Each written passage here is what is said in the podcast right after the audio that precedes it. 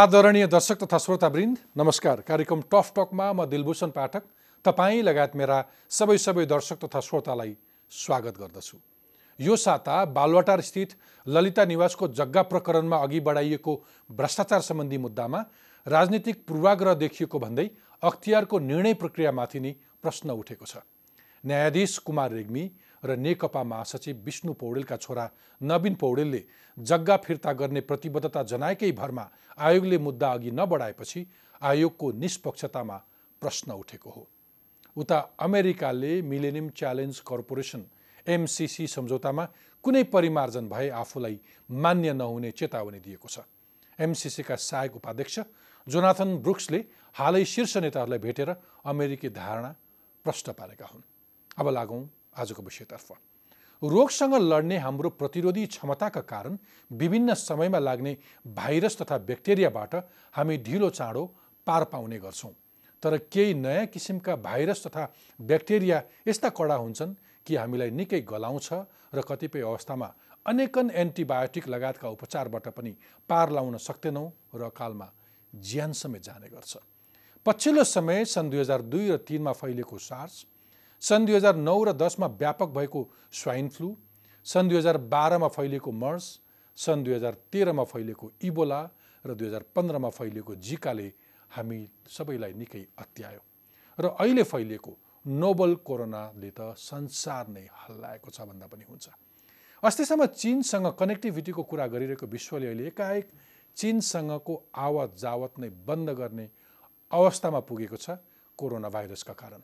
यही भाइरसका कारण विश्व स्वास्थ्य सङ्गठन डब्लुएचओले गत माघ बाह्रमा संसारभर स्वास्थ्य सङ्कटकाल घोषणा नै गरे। यो भाइरस सङ्क्रमणको उच्च जोखिमबाट हामी कोही पनि अछुतो छैनौँ। जोखिमको तुलनामा यसबाट बस्न सरकारले देशभित्र तत्काल प्रभावकारी संयन्त्र निर्माण गर्न नसकेको र चिनमा अलपत्र नेपालीलाई उद्धार गर्न ढिलाइ भएको आरोप समेत लागेको छ। ठुला समस्या आउँदा त्यसबाट बस्ने पूर्व तयारीको स्थायी सरकारी संरचना त छैन नै। जोखिम सामुन्य आइसक्दा पनि त्यसलाई रोकथाम गर्ने प्रभावकारी संयन्त्रहरू तयार गर्न नसक्नु व्यवस्थापन असक्षमताको नमुना नै हो। नेपालमा कोरोना भाइरसको जोखिम कति छ? जोखिम न्यूनीकरणका लागि सरकारी संरचनाहरूले के काम गरिरहेका छन्? यस किसिमका भाइरस कसरी फैलिन्छ वा कोही स्वार्थपूर्तिका लागि फैलाउन पनि लाग्छन्? अहिलेको सङ्क्रमण कुन स्तरको हो? हामी आफू यस्ता भाइरसबाट कसरी बस्न सक्छौँ अनि नेपालमा जनस्वास्थ्यका कस्ता संयन्त्रहरू छन् र तिनको क्षमता कस्तो छ?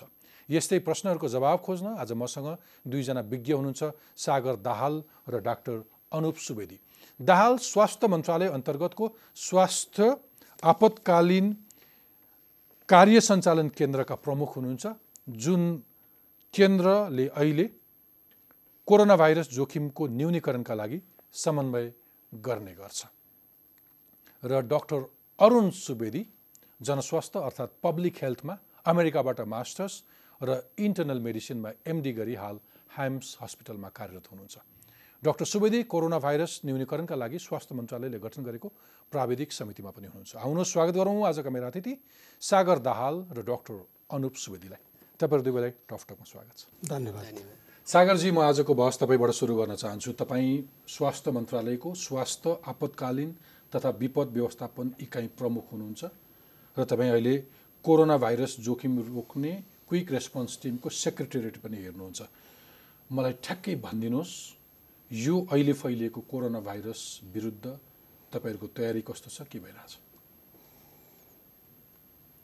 कोरोना भाइरसको सङ्क्रमणको रोकथामको लागि यसको फैलावटलाई रोकथाम गर्नको लागि यो बिल्कुल नयाँ समस्या संसारले पहिलोपल्ट फेस गरेको समस्या हुन त विगतमा पनि भए यस्ता यस किसिमका तर यो नयाँ भाइरस भएको हुनाले यसको चिकित्सा विज्ञानमा यससँग सम्बन्धित ज्ञानहरूको कमी भएको सन्दर्भमा हामीलाई विश्व स्वास्थ्य सङ्गठनले सम्पूर्ण राष्ट्रहरूलाई यसमा टेक्निकल गाइडेन्स प्रोभाइड गर्छ। त्यसले चाहिँ हामीलाई पृष्ठपोषण गर्ने गरेको छ।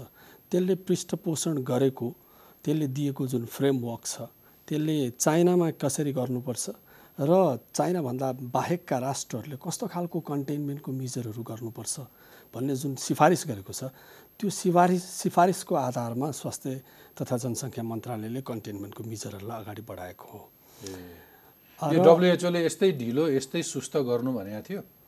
हामीले जुन बेलामा यस यस विषयको उठान भयो जुन बेलादेखि यसको चाहिँ कन्टेनमेन्टको लागि डब्लुएचओले चाहिँ हामीलाई एक्टिभेट हुनलाई अपिल गर्यो। त्यो अपिल गर्न साथ नै हामीले टिआइएमा गर्नुपर्ने कुराहरू क्विकली गर्नुपर्ने टिआइएमा जुन स्क्रिनिङको एरेन्जमेन्टहरू मेरो दर्शकले बुझ्ने गरी भन्दाखेरि त्रिभुवन अन्तर्राष्ट्रिय विमानस्थलमा जहाँ धेरै मान्छेहरू आउने जाने हुन्छ त्यहाँनिर पहिलो परीक्षणका लागि स्क्रिनिङ जाँच जुन हुन्छ त्यसको एउटा व्यवस्था त्यसलाई स्थापना गर्ने कामहरू गऱ्यौँ। त्यो मेसिनले राम्रो काम गरेछ त्यसको मेसिनको दुईवटा मेसिनहरू थियो।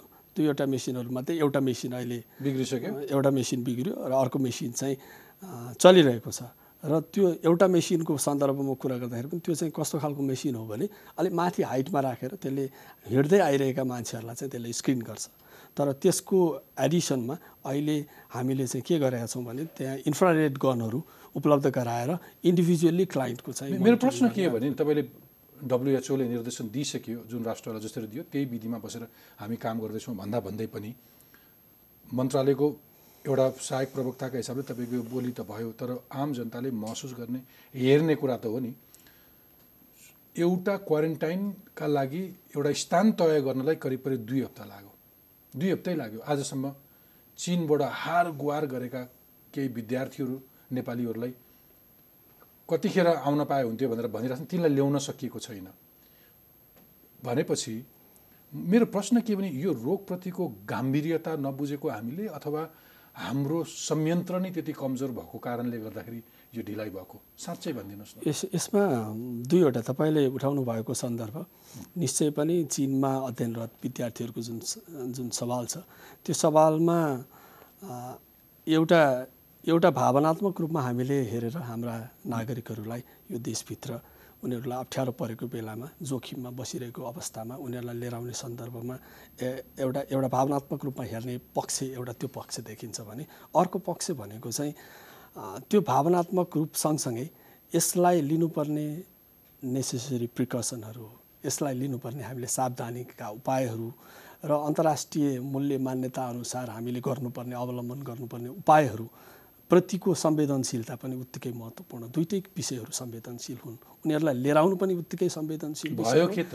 र यस यसको यसको सन्दर्भमा त्यसकारण मैले यहाँलाई राख्न खोजेको यहाँहरूको मार्फतबाट राख्न खोजेको कुरा चाहिँ के हो भने यो दुवै पक्षमा संवेदनशीलता हुँदाखेरि यो टेक्निकल्ली उहाँहरूलाई लिएर आउने सन्दर्भमा जुन प्रिकसनहरू लिनुपर्छ जुन किसिमको हामीले प्रावधानहरू व्यवस्था गर्नुपर्छ यो क्वारेन्टाइन भन्ने विधि चाहिँ नेपालले पटक पटक प्रयोग गरेको विधि पनि होइन। त्यसकारण यसका यसका स्ट्यान्डर्डहरू बनाउने यसका प्रोटोकलहरू बनाउने यसको तयारी गर्ने कुरामा अलिकति समय लाग्नु स्वाभाविक हो। तसर्थ हामीले जुन गतिमा गरिरहेका छौँ जुन जुन द्रुतताका साथ स्वास्थ्य तथा जनसङ्ख्या मन्त्रालयले यसलाई कन्भेन गरेको छ त्यो हेर्दाखेरि हामीलाई चाहिँ के लाग्छ भने हामीले हाम्रा सबै कुराहरू भन्न सकेनौँ होला तर हामीले गरिरहेको गतिविधिहरू चाहिँ हामीले हाम्रो हाम्रो क्षमता र हाम्रो क्यापासिटी अनुसार चाहिँ एकदम एक्सिलरेट रूपमा गरेका हौँ फरक हुन्छ जस्तो नेताले मन्त्रीले बोल्ने एउटा कुरा हुन्छ तपाईँ कर्मचारीहरू गर्ने होला। तपाईँहरू आफैमा अथवा मन्त्रालयभित्रैमा समन्वय चाहिँ कति छ?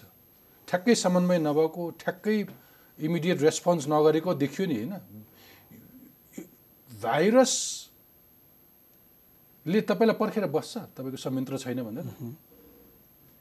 भाइरसले बहुमतको सरकार हो भनेर भन्छ। तपाईँले भन्नुभएको सन्दर्भमा भाइरसको भन्दा पनि भाइरसलाई प्रोटेक्ट गर्नलाई गर्नुपर्ने जुन एरेन्जमेन्टहरू छ जुन प्रेसक्राइब त्यसका लागि गति पुग्यो त्यसका लागि तदारुकता पुग्यो। हामीले पन्ध्र दिनसम्म तपाईँ एउटा आइसोलेसन सेन्टर अथवा एउटा क्वारेन्टाइन गर्ने एउटा ठाउँ तय गर्न सक्दैन सरकार। विद्यार्थीहरू जो सबभन्दा सङ्क्रमित प्रान्त हुवानबाट रोइ कराई गरेर मलाई उद्धार गर सरकार भनेर भन्छ दुई हप्ता भइसक्यो तिनीहरू कराएको। आजसम्म भाषण त ठुलो कुरा भयो। जसरी गर्दा पनि भयो। व्यवहारमा महसुस गर्नु पऱ्यो नि सरकार छ भनेर। तिनले सरकार भएको अनुभूत गरे। स्वास्थ्य मन्त्रालय भएको अनुभूत गर्यो क्विक रेस्पोन्स टिम छ भन्ने अनुभूत गर्यो भएको चाहिँ के छ त? अहिले सरकारले सबै तयारी अहिले के त? भन्नुहोस् एक अहिले अहिले यहाँ हजुरले जुन कुरा उठाउनु भयो जुन प्रसङ्ग उठाउनु भयो चिनबाट लिएर आउने भन्ने सन्दर्भको कुरा गर्दाखेरि हामीले स्वास्थ्य मन्त्रालयको तर्फबाट गर्नुपर्ने सावधानीका कुराहरूमा हामीले हेर्नुपर्ने हाम्रो हाम्रो जुन एरिया छ त्यो एरियामा चाहिँ त्यहाँबाट लिएर आउने सबै नागरिकहरू अहिलेसम्म कुनै पनि नेपालीलाई कोरोनाको सङ्क्रमण भएको ने त्यहाँको नेपाली दूतावासले नभएको जनाएको छ। त्यो जानकारी छैन। त्यसकारण त्यहाँ भएका जति पनि विद्यार्थीहरू बसिरहनु भएको छ उहाँहरू- उहाँहरू निसन्देह स्वस्थ हुनुहुन्छ। र यो स्वस्थ व्यक्तिहरूलाई लिएर आउने सन्दर्भमा हामीले उहाँहरू त्यो प्रान्तमा बसेको कारणले उहाँहरूलाई यहाँ लिएर आउँदाखेरि बिचमा उहाँहरूको त्यो इन्क्युबेसन पिरियडमा हुँदाखेरि त्यो सङ्क्रमण एउटा रोगको विषाणु शरीरभित्र छ छिरिसके पछाडि त्यो रोग प्रकट हुने जुन अवधि भन्छौँ हामी त्यसलाई त्यो अवधि लगायतका कुराहरूलाई उहाँहरूलाई सिम लक्षणहरू केही देखा पर्यो कि परेन भन्ने जुन त्यसो भए त्यसलाई निगरानी परिषद- गर्नुपर्छ। त्यसो भए मन्त्री परिषदको सरकार यो अथवा सरकारका प्रवक्ता तिनलाई ल्याउन खोज्दैछौँ अथवा तयारी गर्दैछौँ भनेर के? जनतालाई भ्रम छर्न खोज्दैछ? मैले मैले अलिकति अलिकति यसलाई एक्सप्लेन गर्न चाहन्छु।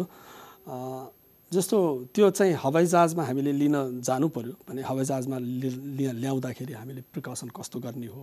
उहाँहरूलाई कसरी राख्नुपर्ने हो भन्ने कुराहरूको एउटा तयारी हाम्रो त्यो जरुरी थियो।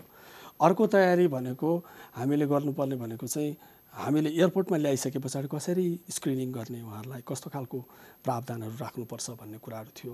त्यो प्रावधानहरू लाई तयार गर्ने र त्यसको लागि टिम तयार गर्ने तिनीहरूलाई अनुशिक्षण छलफल मात्रै छ सरकार।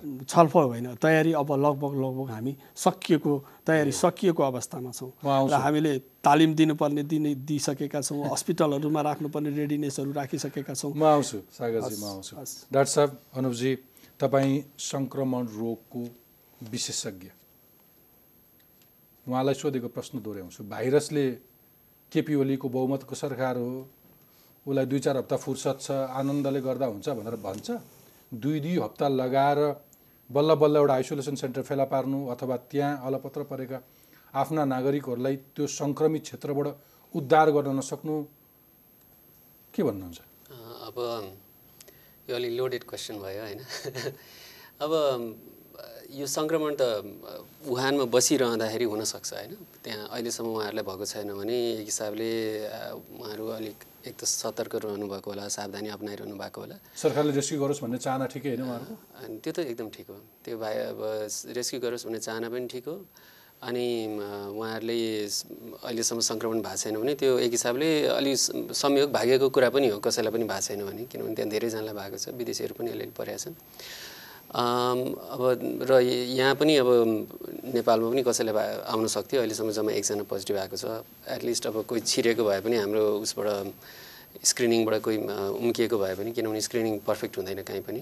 बिरामीलाई लक्षण नहुनसक्छ र भित्र आइसकेपछि मात्रै उसले सार्न सक्छ होइन? तर एटलिस्ट कम्युनिटीमा देखिएको छैन अहिलेसम्म कोही अस्पताल जा गएर। तर हाम्रो जुन तयारी हुनु पर्थ्यो जुन स्पिडमा रेस्पोन्ड गर्नु पर्थ्यो मैले अघि तपाईँले सोध्न खोजेको भाइरसले त तपाईँको मुख हेर्दैन। हजुर। भाइरसले तपाईँको क्रेडिबिलिटी पनि हेर्दैन होला। भाइरस त एकाएक फैलिन सक्छ नि। मैले भनेको त्यसको स्वभाव त इन्फेक्सन त एकदमै सर्ट टाइममा स्प्रेड हुन्छ नि। यसको क्यारेक्टर के हुन्छ भने हजुर होइन। अहिले जसरी चिनमा फैलिरहेछ जसरी दिनदिनै हामी चाहिँ सङ्ख्या बढेको देख्यौँ होइन। अहिले गएको दुई चार दिनदेखि अलिकति कम हुन थालेको जस्तो देखिन्छ नयाँ केसहरू। तर चाइनिज इन्फर्मेसन चाइनिज मिडियाले कुरा। हजुर हजुर। तर त्यति हुँदा पनि जुन रेटमा बढेको छ त्यो त एकदमै द्रुत गतिमा बढेको छ त्यहाँ होइन? बाहिर पनि अब अहिलेसम्म चाहिँ एकदम गरिब देशमा अलि यो स्वास्थ्य जनस्वास्थ्यको संयन्त्र कमजोर भएको देशमा खासै पुगेको छैन। अब भियतनामलाई मा कस्तो खालको संयन्त्र छ मलाई थाहा छैन। तर त्यहाँ पनि एटलिस्ट सार्स उनीहरूले पहिला ह्यान्डल गरेका हुन्। त्यो हुँदाखेरि हाम्रोभन्दा अब धेरै अलि अनुभवी नै संयन्त्र छ होला। त्यो कारणले होइन भने अधिकांश सबै विकसित देशहरू छन्। उनीहरूले सकेसम्म कन्टेनमेन्ट गरिरहेछन्। अब हामी लकीले हाम्रो देशमा त्यो आएन त्यसरी। अहिलेसम्म आइपुगेको छैन। अब तयारी चाहिँ भाइरस फैलिन सक्छ। तपाईँको प्रश्नको उत्तर चाहिँ भाइरसले कुर्दैन। अहिलेसम्म नआए पनि त्यो हामी सतर्क हुनुपर्ने हामीले सावधानी अप्नाउनु। एउटा सोध्न मन लागिहाल्यो चाइनामा त्यति हजारलाई जुन फैलियो र त्यति सयको जुन सङ्ख्यामा मृत्यु भयो एकाएक जुन फैलाइ थियो त्यो चाहिँ इन्ट्रेस्टिङली चाइनाभित्र मात्रै जुन भल्युममा देखियो बाहिर देखिएन। अरू राष्ट्रहरूमा पनि देखिएन अथवा हामी कहाँ पनि छोड्न पाएन। त्यसको केही कारण छ? त्यो छ। अब त्यो किनभने चिनमा फैलिएर जुन बेला अलि पब्लिकली बाहिर ए यस्तो सङ्क्रमण हुँदैछ हामीले अलि साव सतर्कता अपनाउनुपर्छ भन्ने उनीहरूलाई रियलाइजेसन भएर अथवा रियलाइजेसन भएपछि पनि अझै पब्लिकली एनाउन्स गरेर त्यो संयन्त्रलाई एक्टिभेट गर्दाखेरि ढिलो भइसकेको थियो। यसो हेर्दाखेरि होइन एक त चिन विशाल देश विशाल जनसङ्ख्या मानिसको आवागमन असाध्यै ज्या ज्यादा हुने ठाउँ। वुहान फेरि एकदम त्यो देशको भनौँ न त्यो सेन्टर जस्तोमा पर्छ। सबै उनीहरूको ट्रान्सपोर्ट हब भनौँ त्यहाँबाट जान्छ। सबैको लगभग सबै सहरबाट सबै सहरतिर जाने चाहिँ वुहान भएर जान्छन् त्यस्तो ठाउँ पनि पर्यो। यो फेरि उनीहरूको त्यो यो राष्ट्रिय पर्वभन्दा ठ्याक्क अगाडि पनि पर्यो। त्यो सब कारणले धेरैतिर फैलिसकेको थियो। त्यो फैलिसकेपछि बल्ल थाहा भयो अनि त्यसमा केस चाहिँ पछि थाहा हुँदै गयो होइन? डायग्नोसिस पछि हुँदै गयो। त्यो कारणले चाहिँ अब त्यहाँ बढी भयो। त्यहाँ बढी भयो। बाहिरको हकमा चाहिँ अब बाहिरको हकमा चाहिँ पछि मात्रै गए होइन? अथवा जति गए उनीहरूलाई अलि चाँडै आइडेन्टिफाई भयो।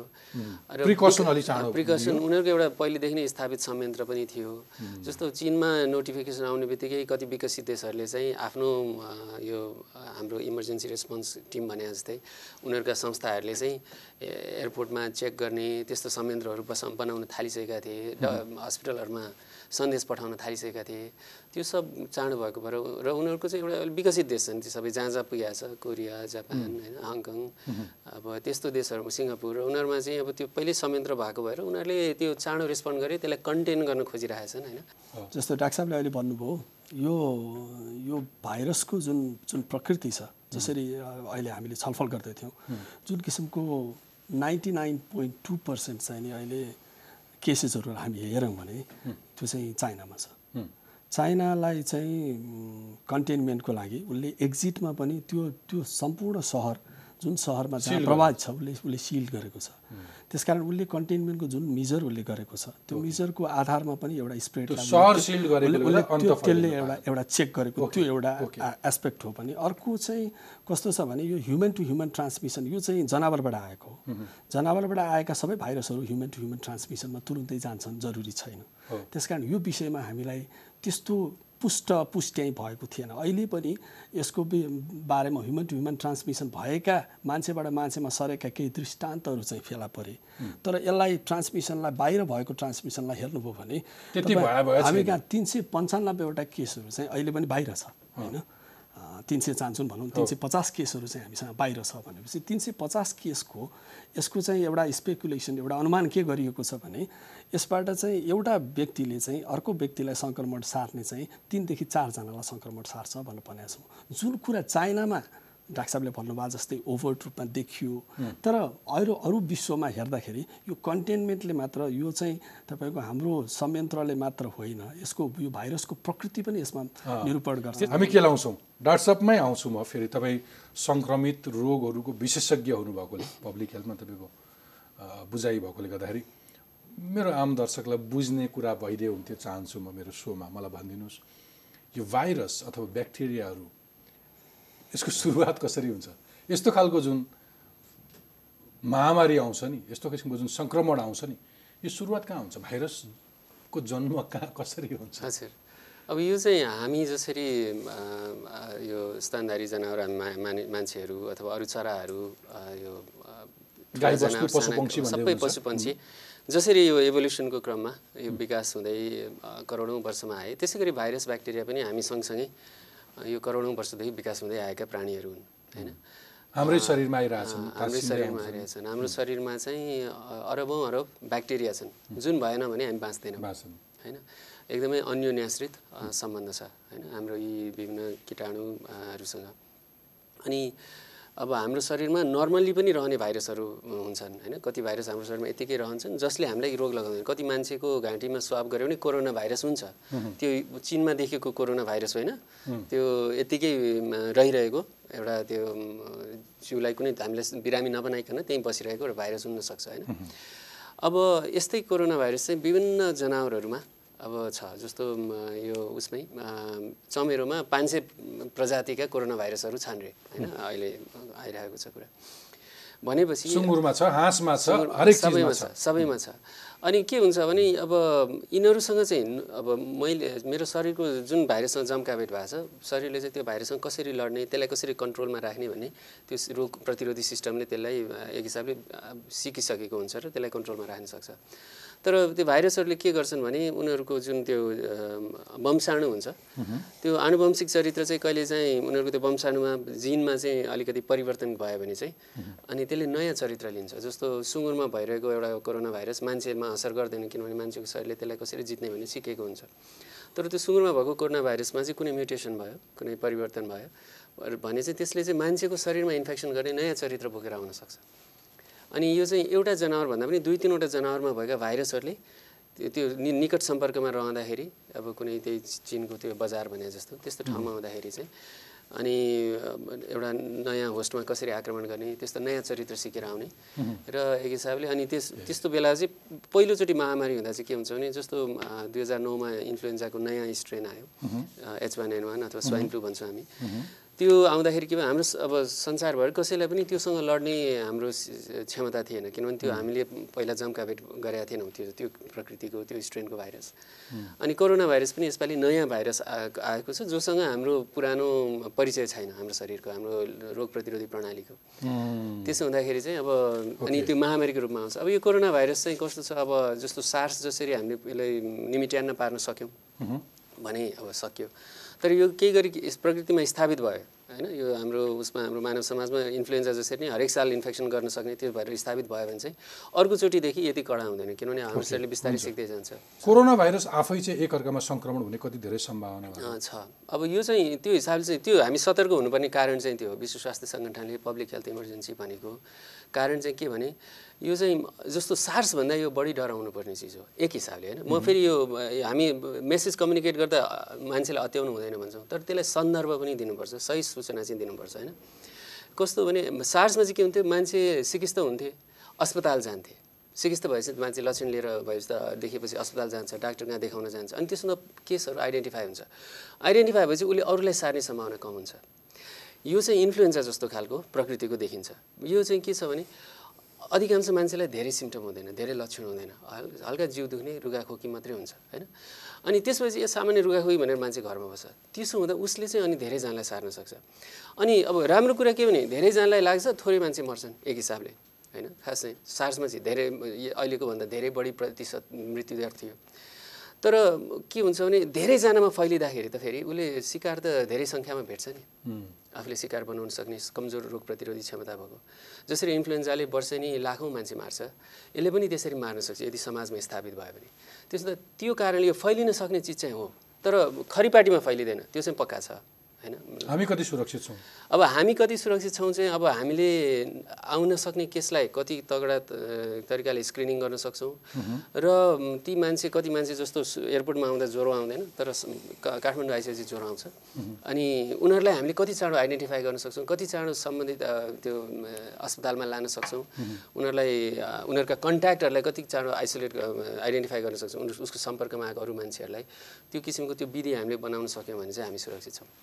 मलाई सागरजीलाई सोध्ने प्रश्न चाहिँ के भने अहिलेको सरकारले यो विषयलाई कति कति गम्भीरताका साथ एकदम हामी स्वास्थ्य मन्त्रालयको तर्फ तपाईँले अघि के भन्दै हुन्छ नि त्यति सिरियस छैन भन्दै हुन्छ तर डब्लुएचओले त इमर्जेन्सी घोषणा गरेको छ। म त्यो डब्लुएचओको डब्लुएचओको इमर्जेन्सीको कुरा पनि म तपाईँलाई अलिकति हामीले विश्व स्वास्थ्य सङ्गठनले जब यो पब्लिक हेल्थ इमर्जेन्सी घोषणा गर्यो त्यो घोषणा गरिसके पछाडि हामीलाई पनि के लाग्यो स्वास्थ्य मन्त्रालयलाई भने अब पब्लिक हेल्थ इमर्जेन्सी गरिसकेको अवस्थामा हामीले गर्नुपर्ने के रहेछ त त्यस्तो?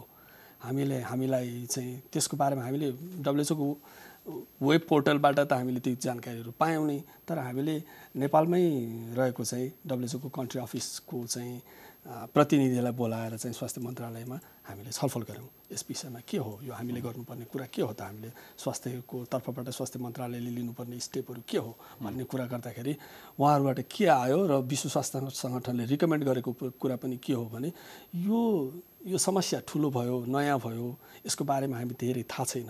चाइनामा धेरै केसेसहरू छ। चाइनाले कन्टेनमेन्टको राम्रो मेजरहरू गरेको छ। उसलाई एउटा सोलिडारिटी पनि आवश्यक पर्यो। उसलाई त्यो दिनु पनि पर्यो। उसले गरेको कामहरूमा सबै समुदायको सम्पूर्ण ग्लोबल ऐक्यबद्धता चाहियो। रिसोर्सेसहरू पुल गर्नुपर्ने हुनसक्छ।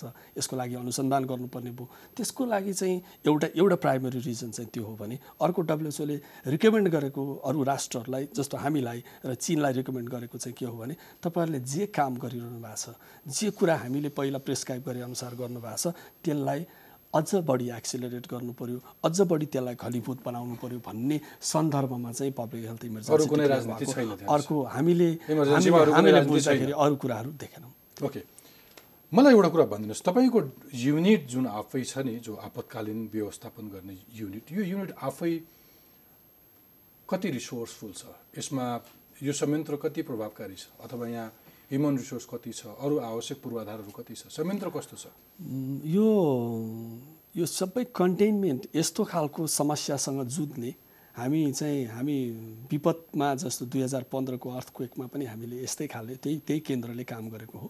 म जहाँ बसेको थिएँ त्यसैले त्यसैले यसलाई संयोजन यो चाहिँ संयोजनकारी निकाय हो। यसले चाहिँ स्वास्थ्य मन्त्रालयको सचिवालयको रूपमा चाहिँ यसले फङ्सन गर्छ त्यो बेलामा।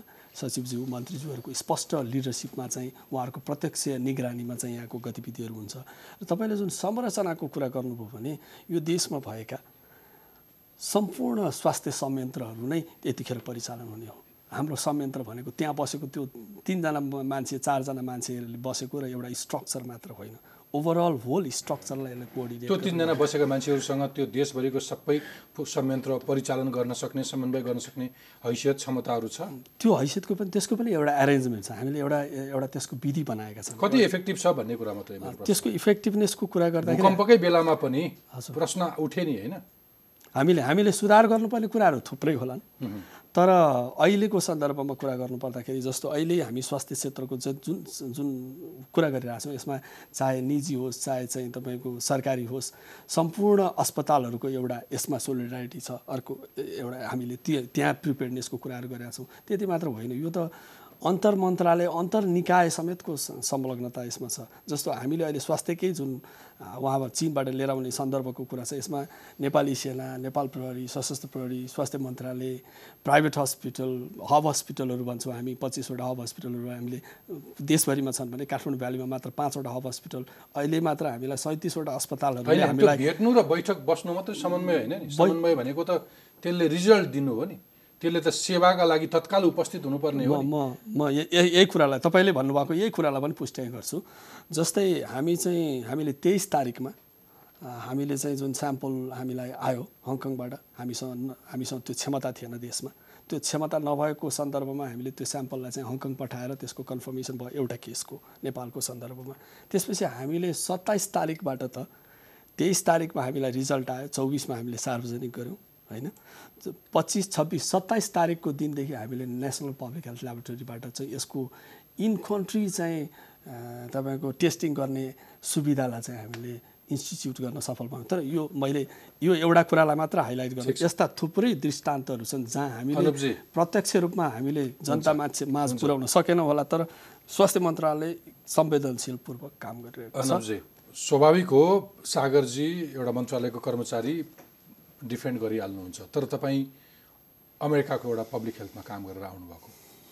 तपाईँ आफै साक्षी हुनुहुन्छ यो सङ्क्रमण रोगको विशेषज्ञ हुनुहुन्छ। दुई हजार दुईमा सार्स फैलियो दुई हजार नौ दसमा स्वाइन फ्लू फैलियो मर्स फैलियो दुई हजार बाह्रमा इबोला फैलियो दुई हजार तेह्रमा पन्ध्रमा जिका फैलियो अहिले नोबेल कोरोनाले संसारलाई हत्याको अवस्था छ। यस्तो किसिमको भाइरल भाइरस फैलिन्छ र सबैलाई अत्याउँछ नि यो सबै ट्याकल गर्ने हाम्रो अवस्था चाहिँ कस्तो छ? त्यस्ता महामारीहरू यहाँ फैल्यो भने हामी कुन अवस्थामा छौँ? इमान्दार भएर भनिदिनुहोस् न। अब हाम्रो अवस्था चाहिँ विकसित देशहरूको भन्दा चुनौतीपूर्ण पक्कै हुन्छ होइन? एउटा चाहिँ सामान्य ज्ञानको कमी जनतामा पनि नागरिकहरूमा पनि यो सचेतनाका कुराहरू के के गर्न सकिन्छ त्यो कुरा अलि कमी हुन्छ। चिकित्सकहरू अथवा यो मेडिकल प्र- प्रोभाइडरहरू अरू पनि अब सेवा प्रदायक व्यक्तिहरूको पनि यो नलेज अवेरनेसको चेतनाको कमीले गर्दाखेरि त्यो समस्या हुन्छ। अर्को चाहिँ अब जुन अस्पतालहरू अ, मा कस्तो किसिमको सेवा सुविधाहरू उपलब्ध छन् अब त्यो पनि हाम्रो उनीहरूसँग तुलना गर्न मिल्दैन। मैले यसो हेर्दा दुईवटा पाटो देख्छु। एउटा चाहिँ अब कोही सिकिस्त बिरामीहरू आउनु थाल्यो भने अस्पतालले कसरी ह्यान्डल गर्छन्? होइन अस्पतालभित्र उनीहरूलाई उपचार कस्तो किसिमको उपचार सेवा दिन सकिन्छ? अब त्यो मामलामा उहाँहरूको तयारी पनि मैले पहिलाभन्दा धेरै अब सक्रियता साथ गरिरहनु भएको उहाँहरूले देखेको छु। विभिन्न अस्पतालहरूका मान्छेहरूसँग अन्तर्क्रिया गर्ने उहाँहरूलाई अब निश्चित बेडहरू तयार गरेर राख्न भन्ने अलिकति यो आइसोलेसनको लागि होइन तयारीहरू गर्ने। अनि इन्फेक्सन कन्ट्रोलका कुराहरू के के हुन सक्छन् उहाँले अलि अब यो कामहरू सुरु गर्न थाल्नु भएको छ। त्यो त्यो हिसाबले अस्पतालमा आएका बिरामीलाई कसरी ह्यान्डल गर्ने? त्यो एक लेभलसम्म हामी अब तयार छौँ। अब धेरै अब असङ्ख्य बिरामीहरू आउन थाल्यो भने त अब नेपालले सक्दैन। तपाईँले नेपालमा एउटा राम्रो यस्तो खालको भाइरस अथवा यस्तो खालको महामारी सम्बन्धी अनुसन्धान गर्ने रोग पत्ता लगाउने गतिरोडा कुनै प्रयोगशाला देख्नु भएको छ? टेकुको एउटा बाहेक? बाहिर छैन छैन। अनि कुन आधारमा सक्छौँ भन्दै हुनुहुन्छ त? होइन अब यस्तो भाइरस आयो भने हामीले टेस्ट त अब अमेरिकामा पनि सिडिसीमै हुन्छ भनेको सेन्ट्रल ल्याब एउटा ठाउँमा मात्रै हुन्छ सबैतिर हुँदैन। यस्तो हामीसँग ल्याबहरू कति पर्याप्त छन् त्यस्तो खालको रोग पत्ता लगाउने प्रयोगशालाहरू कति छन् भन्ने अब जस्तो मैले तपाईँ अमेरिकासँग तुलना गर्दाखेरि कुनै मे- बाहिर अर्को सहरको अस्पतालमा काम गर्दैछु र एउटा कोरोना भाइरस हुनसक्ने बिरामी आयो भने मैले उसको स्याम्पल त सिडिसीमै पठाउनुपर्छ। तर त्यो डायग्नोस्टिक टेस्टलाई कुर्नु पर्दैन कि? खास हामीले गर्ने भने चाहिँ यो हुनसक्छ भनेर त पहिले उसको उपचार चाहिँ यो भाइरल रोग हुनसक्छ उसलाई त्यसका अतिरिक्त के छन् उसको किडनीमा समस्या छ कि फोक्सोमा समस्या छ कि होइन उसलाई चाहिँ ब्लड प्रेसर कम छ कि उसलाई फ्लुइड्सहरू दिनुपर्छ कि आइसियुमा राख्नुपर्छ कि अक्सिजन दिनुपर्छ कि त्यो कुराहरूलाई टेस्टलाई कुर्नु परेन। हाम्रो समस्या हाम्रो कमजोरी ल्याब कमजोर भएर भन्दा पनि समग्र हाम्रो आइसियुको सङ्ख्या बेड कम हाम्रो देशमा हाम्रो यो क्रिटिकल केयर सेवा दिन सक्ने जनशक्तिको कमी होइन त्यस्ता कुराहरू हुन्छन् जुन अहिले तदारुकताहरू सरकारी संयन्त्रबाट चाल्नुपर्ने कदमहरू चाहिँ कस्तो लाग्छ? ठिक लाग्छ? भनेपछि अघि मैले दुईवटा पाटो भने एउटा चाहिँ चिकित्सकीय पाटो भयो त्यो चिकित्सीय तपाईँ तपाईँ मन्त्रालयको एउटा प्राविधिक समितिमा पनि भएकोले गर्दाखेरि तपाईँ अलिकति सरकारको बचाव गर्न खोज्दै हुनुहुन्छ अथवा अथवा जे छ त्यसबाट खुसी हुनुहुन्छ अथवा अथवा यो पर्याप्त छैन? म त्यहाँ आउँदै थिएँ। म त्यो एउटा चिकित्सकीय पाटो। त्यसमा उहाँहरूले गर्ने त्यो छ। अर्को चाहिँ के भने जनस्वास्थ्यको पाटो छ क्या। जनस्वास्थ्यको पाटो भनेको चाहिँ तपाईँले कुनै बिरामी मैले अस्पतालमा एकजना बिरामी आयो भने उसले त पचासजना कम्युनिटीमा भेटेको हुन्छ। उसले बाटो अरू मान्छेलाई सारिसकेको हुनसक्छ। अनि ती मान्छेले फेरि अरूलाई सारिसकेको अनि अनि त्यो सुन्नु न। त्यो त्यो भन्नलाई त्यो त्यो ती मान्छेहरूलाई आइडेन्टिफाई गर्न सक्नु पऱ्यो ती मान्छेहरूलाई आइडेन्टिफाई गरेर उनीहरूलाई पनि लक्षण छ कि छैन उनीहरूलाई अस्पताल लानुपर्छ कि उनीहरूले अरूलाई साह्रो नदिन के सावधानी अप्नाउनुपर्छ? त्यसको लागि छुट्टै संयन्त्र चाहिन्छ। त्यो जनस्वास्थ्यको संयन्त्र हुन्छ। अब त्यो चाहिँ हाम्रो नेपालमा चाहिँ त्यो जनस्वास्थ्यको संयन्त्र खासै बनेको छैन जस्तो लाग्छ मलाई। त्यसमा मलाई मुख्य हाम्रो कमजोरी छ भने चाहिँ त्यहाँ छ जस्तो लाग्छ कि।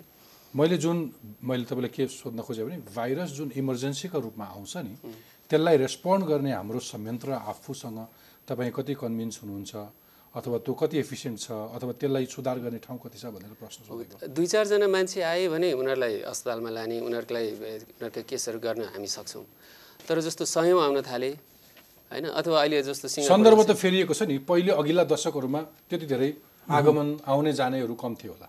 आज त मान्छेको आगमन बढेको छ।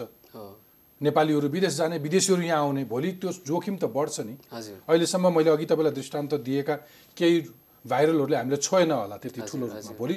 त्यो खतरा बढ्ने सम्भावना त छ। जसरी त्यो भूगोल राजनीति जसरी खुल खुल्दैछ जसरी आवत जावत बढ्दैछ जसरी मा मान्छेको मोबिलिटीले हरेक जीवनमा इम्प्याक्ट पारिरहेछ भनेपछि भोलि त्यसका लागि हामी प्रिपेयर्ड छौँ। होइन तपाईँको ब्रह्मले ठिकै देख्छ। भन्दैछु मैले। मुख्य पाटो यस्तो आउटब्रेकको रेस्पोन्सको पाटो जुन जनस्वास्थ्य संयन्त्र छ नि त्यो चाहिँ हाम्रो खासै छैन बनेकै छैन। अस्पतालमा उपचार गर्ने त्यो बेडहरू आइसियु होइन आइसोलेसन त्यो चाहिँ एउटा सानो पाटो हो।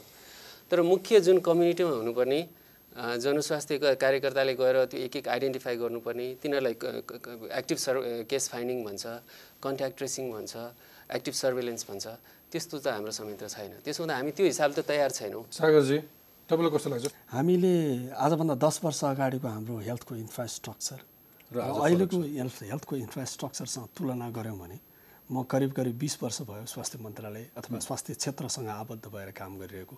त्यसको हेऱ्यो भने हामीले हामी पर्फेक्टली हामी त्यो संयन्त्र त्यो उसमा त्यो हाइटमा पुर्याउन सकेनौँ होला तर हाम्रो क्यापासिटी पनि त्यो लेभलमा एक्सपान्सन भएको छ। त्यस कारण कुरा साह्रै साह्रै होपलेस दर्शकलाई आश देखाउनु साह्रै साह्रै चाहिँ त्यस्तो पनि निराशा हुनु पर्दैन जस्तो हेरौँ न हामीसँगै अहिले तपाईँ जोसँग इन्टरभ्यू लिइरहनु भएको छ उहाँ कहाँको स्कलर हुनुहुन्छ कहाँ पढेर आउनु भएको छ? उहाँ ह्याम्स हस्पिटलमा काम गर्नुहुन्छ। र त्यो पछिल्लो वर्ष यही वर्ष बनेको एउटा नयाँ हस्पिटल। नयाँ हस्पिटलमा काम नयाँ निजी हस्पिटलहरू प्रशस्त छ उहाँले उहाँले हाम्रो टेक्निकल कमिटीमा पनि हुनुहुन्छ। उहाँले हामीलाई के भन्नुभयो भने हामीलाई आइसोलेसन गर्नुपर्ने आवश्यकता पऱ्यो भने ह्याम्स हस्पिटलले सबभन्दा धेरै तिसवटा बेड चाहिँ हामी दिन सक्छौँ भनेर भन्नुभयो। भनेपछि यस्ता सम्भावनाहरूलाई पनि हामीले हेर्नुपर्छ। हामीसँग चाहिँ हामी इमर्जेन्सीको प्रिपेयर्डनेसको एउटा एउटा आफ्नै चुनौती हुन्छ। कुन लेभलको जोखिमलाई हेरेर हामी तयार रहने त्यसो मलाई बुझ्ने गरी भनिदिनुहोस् होइन मैले मलाई यो थ्योरी अथवा सिद्ध- सैद्धान्तिक सैद्धान्तिक कुरा भन्दा पनि अघि तपाईँले ह्याम्सको कुरा उहाँ डक्टरको कुरा भने जस्तै यो पटक यो सरकारले गरेको तयारीको कार्यहरू भनिदिनुहोस् न लिस्टमा के के गरेको जस्तो यो सरकारले यसको तयारी भन्दा पनि यसको रेस्पोन्सको यसको यसको रेस्पोन्सको कुरा गर्ने हो भने हामीले जुन जुन बेला हामीलाई यो यो यसको अलर्टनेस हामीले प्राप्त गऱ्यौँ त्यो अलर्टनेस प्राप्त गर्ने बित्तिकै मैले अघि पनि सुरुवातमा भनेको थिएँ यो टी त्रिभुवन अन्तर्राष्ट्रिय विमानस्थलको हेल्थ डेस्क जहाँबाट चाहिँ हामी पहिलो नाका त्यो- बन्द। पहिलो नाका। पहिलो नाकामा हामीले स्क्रिनिङलाई चाहिँ त्यसलाई एक्टिभेट गर्ने काम गऱ्यौँ स्क्रिनिङमा समस्याहरू आउन सक्छन् मसिन हो मसिन बिग्रिन सक्छ। तर मसिन बिग्रिसकेपछि हाम्रो त्यसमा तदारुकता कति रह्यो हामी त्यसलाई कति ब्याकअप गऱ्यौँ भन्ने कुरा महत्त्वपूर्ण हो। त्यसलाई तुरुन्तै हामीले ब्याकअप गऱ्यौँ। सँगसँगै हामीले त्यहाँ स्ट्यान्ड बाई एम्बुलेन्सहरू राखेका छौँ। त्यसलाई तुरुन्तै कहाँ लैजाने भन्ने कुराको संयन्त्र विकास गरेका छौँ। अस्पतालहरूमा त्यो रेडिनेस राखेका छौँ। इन्फेक्सन प्रिभेन्सनको मैले अघि तपाईँहरूले गर्दै गरेको कुरामा बिचमा एउटा कुरा मैले के जोड्न चाहेँ भने विज्ञान त चाहे अमेरिकामा बसौँ चाहे नेपालमा बसौँ विज्ञान त्यही हो। साइन्स त्यही हो प्रिन्सिपल त्यही हो। डाक्साबहरूले प्र्याक्टिस गर्ने डाक्साबहरू प्रोफेसनलहरू पनि त्यही हो। भनेपछि उहाँहरूले त्यो प्र्याक्टिस गर्ने सन्दर्भमा रिसोर्सेसको कुरो इन्फ्रास्ट्रक्चरको कुरोमा अलिकति कमजोरी होला। तर हामी तपाईँको त्यो चिज इन्फेक्सन प्रिभेन्सनलाई केही नै कामै गर्न नसक्ने स्थितिमा छौँ भन्ने चाहिँ हामीले सोच्नु हुँदैन। त्यस्तो छँदा पनि छैन।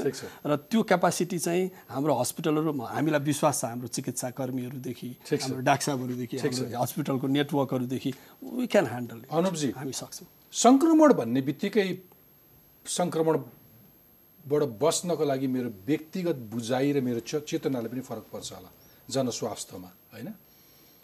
हामी नेपालीहरू चाहिँ कति अवेर छौँ सङ्क्रमणबाट बस्न हाम्रो स्वभाव हाम्रो जीवनशैली कस्तो छ? केही टिप्स दिनुहुन्छ? अब जस्तो अहिले कोरोना भाइरसको कुरा गर्नुहुन्छ तपाईँहरू हामी कोरोना भाइरसको कुरा गरिरहेको छौँ। अहिले घरमा रुगाखोकी टाउको आएर ज्वरो आएका मान्छेहरूको निन्द्रा आराम भएको छ मलाई कोरोना पो लाग्यो कि भनेर। यस्तो अवस्थामा उसले के गर्न सक्छ? कसरी बस्ने? अब सामान्य रुगाखोकीबाट जसरी बस्ने कोरोना भाइरसबाट बस्ने ठ्याक्कै त्यही हो होइन? किनभने के? भनेको चाहिँ तपाईँले हाछ्यौँ गर्दाखेरि अरूको अगाडि नगर्ने होइन? सिधै अर्काको मुखमा पर्ने गरी साबुनले हात धुने यत्तिकै पानीले पखालेर मेरो हात सफा भयो भने नमान्ने अनि अथवा त्यो ह्यान्ड सेनिटाइजर भन्छ होइन? त्यस्तो ह्यान्ड रबहरू प्रयोग गर्न सकिन्छ। हात मिलाउँदै नजाने परैबाट नमस्ते गर्दा। परैबाट नमस्ते गर्दा भयो। अब आफूलाई रुगाखोकी लागेको छ भने त्यो भिडभाडमा गएर नजाने सकेसम्म होइन? अरूलाई सर्नबाट जोगाउने। परिवारमा छौँ भने घरमा हामी प्रायः एउटै टावल सेयर गर्छौँ। रुगाखोकी लागेको मान्छेले नि जेले पुछिरहेको हुन्छ अर्कोले पनि त्यही टावल प्रयोग गरेर हुन्छ होइन? तौलियाहरू। अब त्यस्तो चिजहरू चाहिँ सकेसम्म छुट्टै प्रयोग गर्ने। अनि त्यसपछि हस्पिटल दौडिहाले रुगाखोकी लाग्यो भने? होइन अब यस्तो छ। अब अहिले सबै रुगाखोकी लागेको कोरोना हो कि भनेर जुन एउटा त्यो छ नि अत्यास अरू बेला पनि सावधानी हुन्छ नि।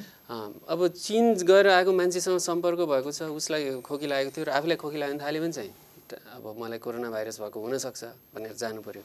चिनसँग कुनै कनेक्सन छैन भने अहिले जानु पर्दैन। अहिले त्यो रुगा सामान्य रुगाखोकी मात्रै हुनसक्छ बरु इन्फ्लुएन्जा हुनसक्छ। अब कस्तो बेला अस्पताल जाने भन्ने जब तपाईँलाई ज्वरो आइरहन्छ सन्चो हुँदैन होइन? आज आयो ज्वरो भोलि आयो ज्वरो कम भएन। तपाईँलाई खोकी बढ्दै गयो होइन? त्यस्तो भयो भने चाहिँ जाने। ज्वरो आयो भने चाहिँ सोच्नु पर्यो। ज्वरो अथवा अब सास फेर्न गाह्रो भयो श्वास प्रश्वासमा गाह्रो भयो कसैलाई चाहिँ यहाँ चाहिँ यहाँबाट त्यहाँसम्म हिँड्न गाह्रो हुनसक्छ। भने लक्षण अलिकति जटिल हुँदै गयो गम्भीर हुँदै गयो जस्तो लाग्यो भने जाने। अर्को कुरा चाहिँ अब इन्फ्लुएन्जा योभन्दा धेरै बढी कमन छ खास होइन? अब अहिले नेपालमा कसैलाई रुगाखोकी लाग्यो भने त्यो उसलाई कोरोना भाइरसभन्दा इन्फ्लुएन्जा हुने चान्स धेरै बढी हुन्छ। त्यसो त इन्फ्लुएन्जाको सक्नेहरूले भ्याक्सिन लाउन सक्छन् होइन? त्यो त्यो अर्को कुरा हो हामीले गर्नुपर्ने। ओके। अब मलाई म अन्त्यतिर आइसकेँ समय हामीले गुज्राइसक्यौँ मलाई अर्को पनि भनिदिनुहोस् अनुपजी कि तपाईँले जुन रूपमा आजभोलि ठुल्ठुला भाइरस र सङ्क्रमणलाई भुज राजनीतिसँग पनि जोडेर हेरिन् हेरिन्छ। चाइनामा देखिएको यही कोरोना भाइरसलाई पनि धेरै अर्थ लगाइएको छ होइन? तपाईँ कसरी हेर्नुहुन्छ?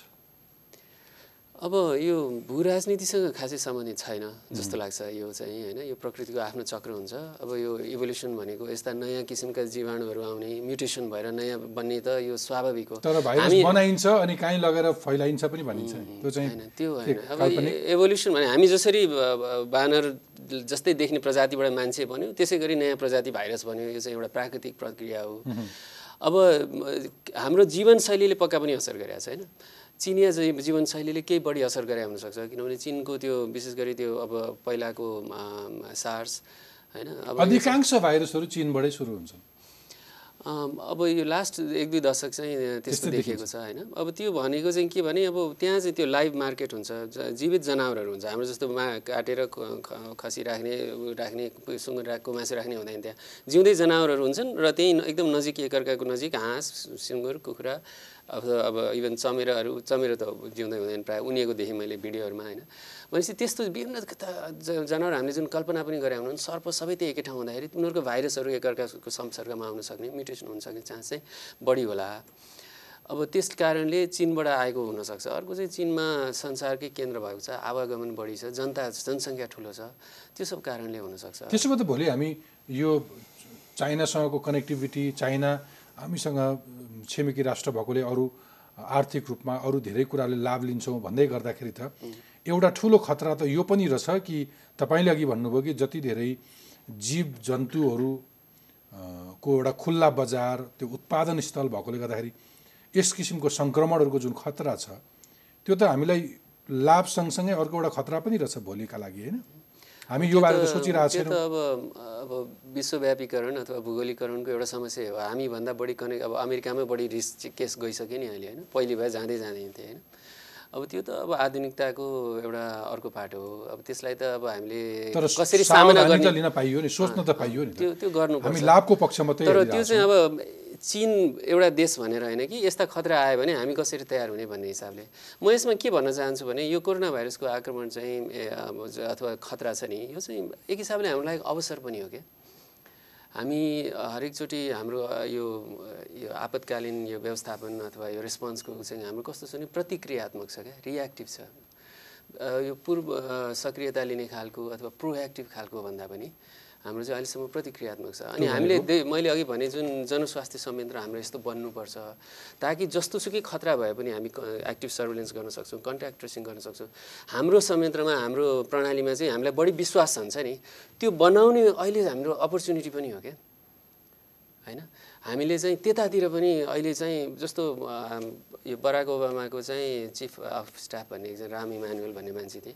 उनले भन्थे कि do not let a crisis go to waste त्यो बेला उनीहरूलाई ठुलो एउटा आर्थिक सङ्कट आएको बेलामा उनीहरूले त्यो बेलामा हामीले हेल्थ केयरको चाहिँ ल पास गऱ्यौँ गर्न सकिन्छ भन्दा होइन यो यही क्राइसिसको बेलामा जनताले पनि साथ दिन्छन् सबैले साथ दिन्छ। यो बेला चाहिँ हामीले यो गर्नुपर्छ। नयाँ कुरा सुरु गर्नुपर्छ। भूकम्पले हामीलाई संविधान दिए हो नि। अथवा हो हो, त्यस्तै यसै गरी यो एउटा कोरोनाको खतरा छ सबैतिर चासो छ अलिकति मान्छेहरू पनि अवेर भएको छन्। यो बेलामा हामीले गर्न सक्ने भनेको राम्रो जनस्वास्थ्य संयन्त्र बनाउने हाम्रो अहिलेको जस्तो हामी चाहिँ अब जस्तो अघि तपाईँले रियाक्टिभ किन भयो भन्नुभयो भने जस्तो डेङ्गु आयो डेङ्गु आएपछि त्यो अब एक हिसाबले गभर्मेन्टलाई अलि अनावश्यक रूपले नै बढी अब उहाँहरूको कुनै दोष थिएन क्या त्यहाँ। त्यो आउनु थियो आयो त्यसमा उहाँहरूले गर्न सक्ने इमिडिएटली केही कुरा थिएन। आठजना मान्छेको मृत्यु भयो त्यस्तो धेरै ठुलो इस्यु होइन क्या पब्लिक हेल्थको हिसाबले भन्दाखेरि। त्योभन्दा त्यहाँ हजारौँ मान्छे इन्फ्लुएन्जाले हरेक साल मर्छन् यो देशमा होइन? हामी कसैलाई त्यो चासो छैन। तर अब नेक्स्ट टाइम डेङ्गु हुँदाखेरि चाहिँ हामीले के गर्न सक्छौँ त होइन? त्यसको लागि अहिले हामीले के के गर्न सकिन्छ? अहिले पानी बर्खा आउनुभन्दा पहिला। त्यो त्यसको त्यो त्यो किसिमको पूर्व सक्रियताको कुरा जस्तो भ्याक्सिन ल्याउन सकिन्छ होला यो देशमा होइन? जुन विदेशमा केही देशमा मात्रै उपलब्ध छ।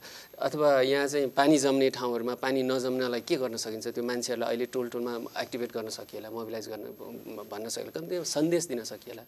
भन्न खोजेको कस्तो भने अनि अनि एउटा अनि जनस्वास्थ्य संयन्त्र बनाउन सकिएला कि? ताकि त्यो चाहिँ पछिसम्म यस्ता हरेक थ्रेडको बेलामा चाहिँ हामीले परिचालन गर्न सक्छौँ ऱ्यापिडली मोबिलाइज गर्न सकौँ अब कुनै ठाउँमा चाहिँ रुगाखोकी लाग्यो जस भनेर दसजना मान्छे मऱ्यो भनेर आउँछ नि सूचना।